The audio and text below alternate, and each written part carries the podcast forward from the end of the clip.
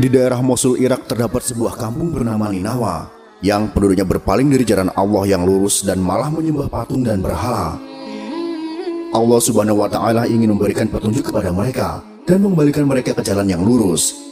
Maka dia mengutus Nabi Yunus alaihissalam untuk mengajak mereka beriman dan meninggalkan sesembahan selain Allah Azza wa Jalla. Akan tetapi mereka menolak beriman kepada Allah dan tetap memilih menyembah patung dan berhala. Mereka lebih memilih kekafiran dan kesesatan daripada keimanan dan petunjuk. Mereka mendustakan Nabi Yunus alaihissalam, mengolok-olok dan menghinanya. Maka Nabi Yunus pun marah kepada kaumnya dan tidak berharap lagi terhadap keimanan mereka. Allah Subhanahu wa taala pun mewahyukan kepada Nabi Yunus alaihissalam untuk memberitahukan kaumnya bahwa Allah akan mengazab mereka karena sikap mereka itu setelah berlalu tiga hari. Lalu Nabi Yunus alaihissalam menyampaikan perihal azab itu kepada kaumnya dan mengancam kaumnya dengan azab Allah. Kemudian ia pergi meninggalkan mereka. Ketika itu, kaum Yunus telah mengetahui bahwa Nabi Yunus alaihissalam telah pergi meninggalkan mereka, sehingga mereka yakin azab akan turun dan bahwa Yunus adalah seorang nabi. Maka mereka segera bertaubat kepada Allah Subhanahu wa taala, kembali kepadanya dan menyesali sikap mereka. Ketika itu, kaum laki-laki, wanita, dan anak-anak menangis karena takut azab menimpa mereka. Dan mereka berdoa dengan suara keras kepada Allah Azza wa Jalla agar azab itu diangkat dari mereka. Saat Allah melihat jujurnya taubat mereka, maka dia menghilangkan azab itu dari mereka, serta menjauhkannya. Allah Ta'ala berfirman, Dan mengapa tidak ada penduduk suatu kota yang beriman, lalu imannya itu bermanfaat kepadanya selain kaum Yunus. Ketika mereka beriman, kami hilangkan dari mereka azab yang menghinakan dalam kehidupan dunia, dan kami berikan kesenangan kepada mereka sampai pada waktu yang tertentu. Quran Surah Yunus, ayat 98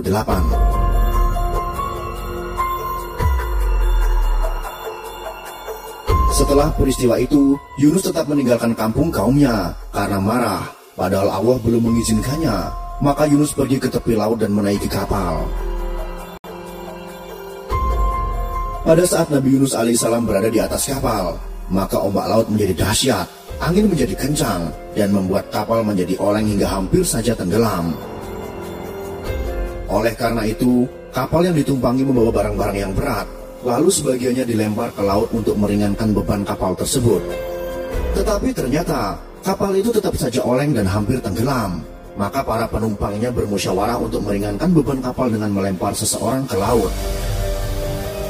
Maka mereka melakukan undian dan ternyata undian itu jatuh pada diri Yunus. Tetapi para penumpang yang ada di kapal tersebut tidak mau jika Yunus harus terjun ke laut.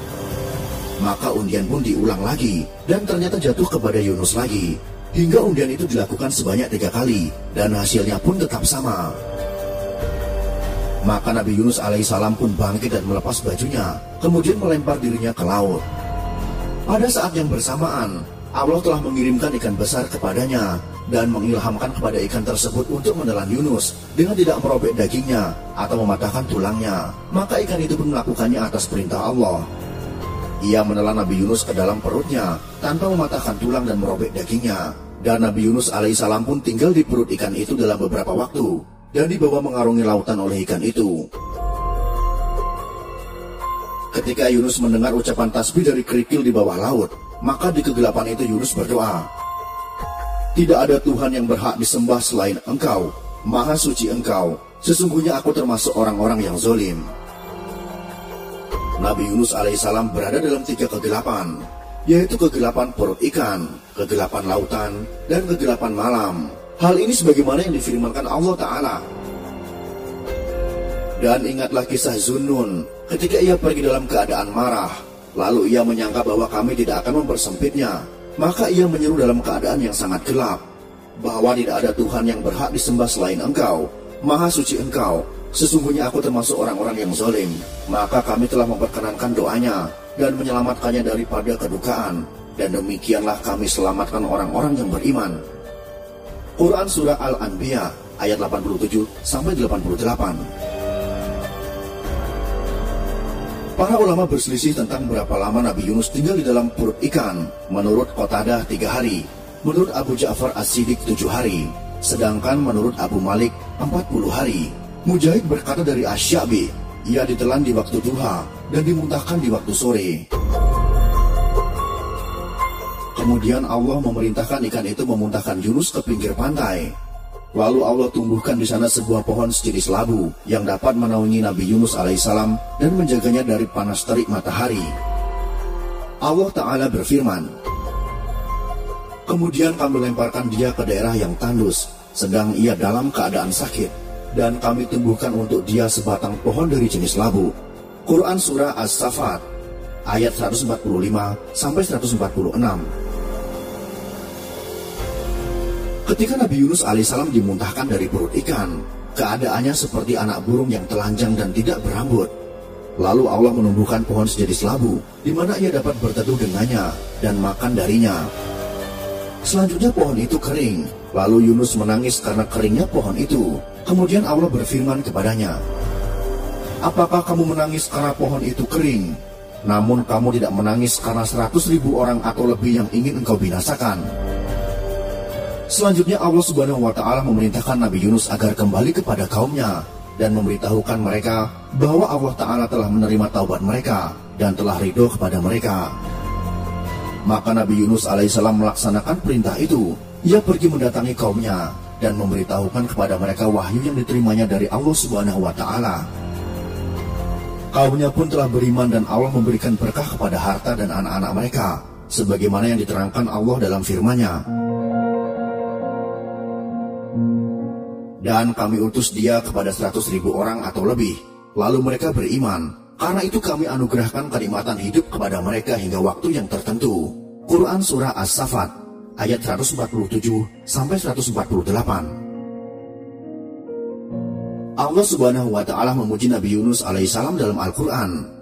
Allah taala berfirman, "Dan Ismail, Al-Yasa, Yunus dan Lut, masing-masing kami lebihkan derajatnya di atas umat di masanya." Quran Surah Al-An'am ayat 86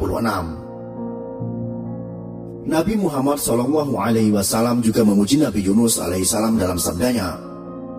Tidak layak bagi seorang hamba mengatakan, saya lebih baik daripada Yunus bin Mata. Mutafak alaih. Beliau mengucapkan demikian karena tawaduknya. Ada pula yang berpendapat bahwa beliau mengucapkan demikian untuk menghindari adanya sikap orang bodoh yang merendahkan martabat Nabi Yunus alaihissalam karena kisah yang disebutkan dalam Al-Quran. Dan tentang doa Nabi Yunus alaihissalam, Rasulullah Shallallahu alaihi wasallam bersabda, Doa Zunun ketika di perut ikan adalah, Tidak ada Tuhan yang berhak disembah selain engkau. Sesungguhnya aku termasuk orang-orang yang zalim.